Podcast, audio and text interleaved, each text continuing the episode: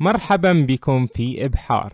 هناك قصص تعرف أنها لن تغادر عقلك بعد أن قرأتها، وقصة المسخ هي من تلك القصص. المسخ أو التحول هي أولى تجاربي في القراءة لهذا الكاتب وشدتني كثيرا لم تكن مملة ولم تحتوي على حشو وكانت عميقة للغاية والأهم من ذلك أنها عالم حي بجو رائع غريب ما زال أبطال القصة يطلون علينا أحياء واضحي الشخصية من بين السطور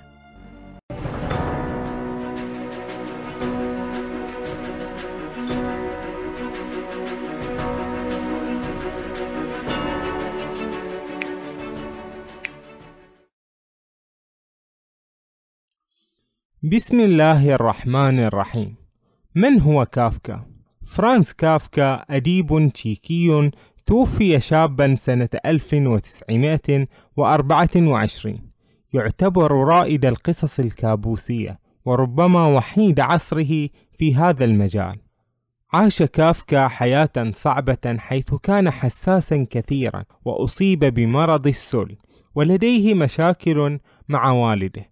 كان مكتئبا كثيرا وصنع بخياله الكابوسي قصصه الغريبة وأراد أن يحرق قصصه جميعا لولا أن صديقه نشرها قصصه ليست قصصا مرعبة كما تعودنا من قصص الرعب المعهودة بل هي أشبه بكابوس قد تراه في منامك تصوير يشكله لك عقلك الباطن وعندما تتساءل عن معنى القصة فكأنك تبحث عن تعبير للرؤية. أما عن القصة فتبدأ حين يستيقظ غريغور سامسا من نومه ليجد أنه تحول إلى حشرة كبيرة. نعم، ببساطة هذا ما حدث. ككل المصائب والحوادث التي تحدث فجأة بدون مقدمات. يستيقظ غريغور وهو لا يصدق أن أياديه أصبحت كأيادي صرصار وكذلك سائر بدنه وبقي هكذا مصدوما بينما كانت أمه وأخته يطرقون عليه الباب ليطمئنوا عليه وهو مختبئ ساكت لا يريد أن يريهم ما حل به ولا يستطيع تحريك جسمه الحشري بسهولة. ولأنه تأخر بعض الساعات عن عمله فقد جاء الوكيل مسرعا ليستفسر عن سبب تأخره.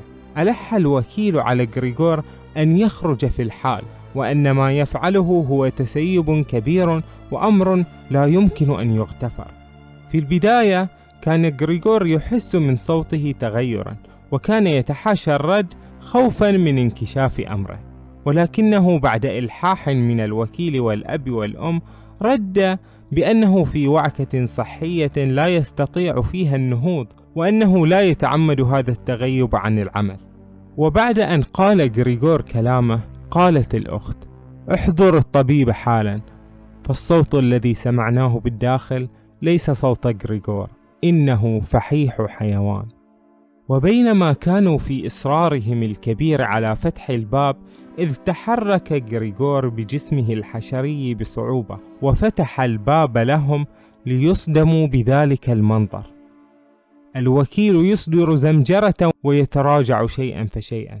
والأم تسقط على الأرض في بكاء وخوف والأب يكور قبضته متأهبا لقتال تلك الحشرة الكبيرة.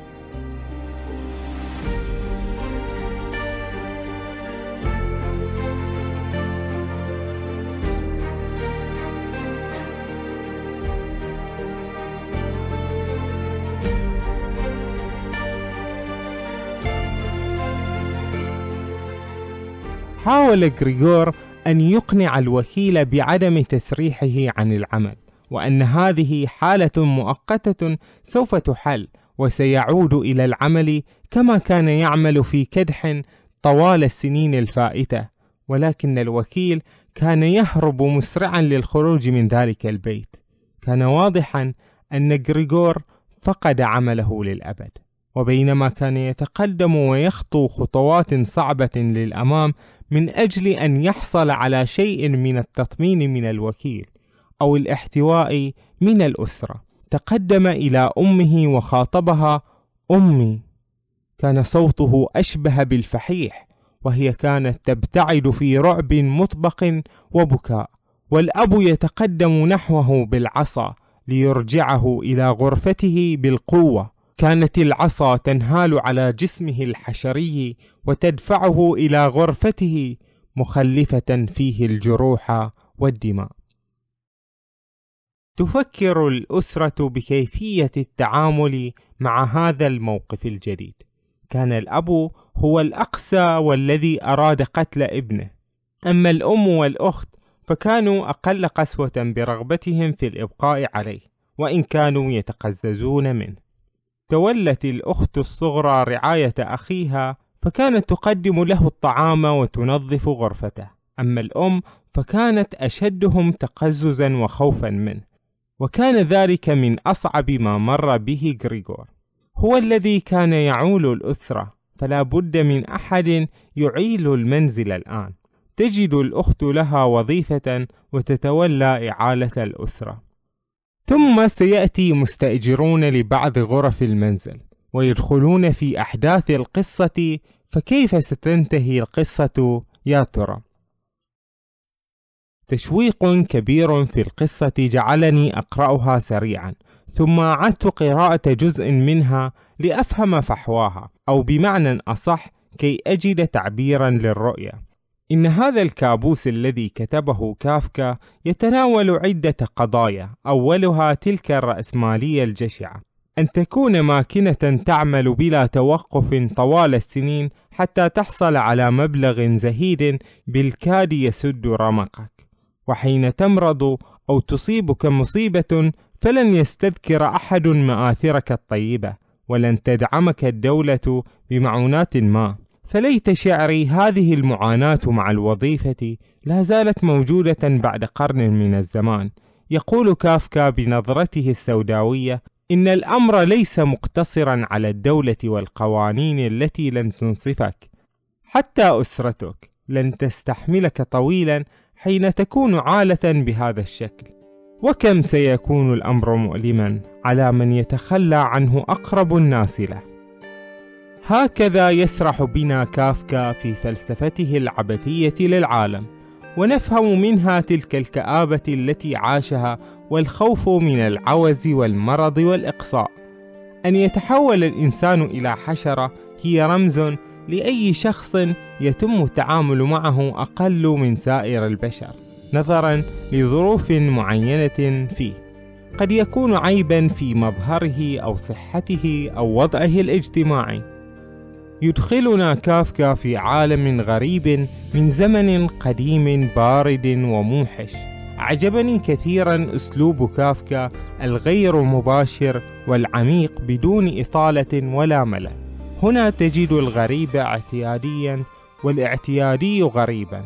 إنه العقل الباطن يتكلم ويحكي قصته على لسان كافكا كحلم كابوسي يجثم على صدورنا في أواخر ساعات الليل. أنصح بقراءة هذه القصة لكني لا أشارك كاتبها هذه النظرة السوداوية للعالم. فالإنسان قد تصيبه مصائب كبيرة. ربما تجعله مهانا بين بعض الناس ومنتقص الكرامة عند غيرهم ولا يعامل مثل ما يعامل الآخرون. ولكن ليس لدرجة أن يكون حشرة. والأب والأم وإن قسوا أو أهملوا فهم أدعى في حب ورعاية أبنائهم مهما حل بهم من سوء والعالم ليس بهذا السوء ولكن كافكا أراد تصويره بهذا السوء.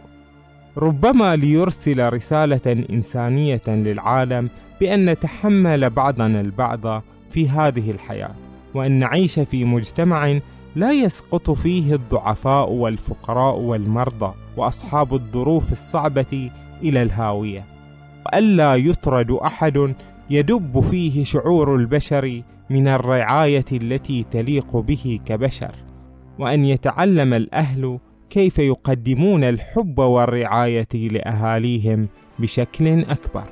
أتمنى أن يعجبكم هذا المقطع، شاركوني آراءكم وكونوا بخير.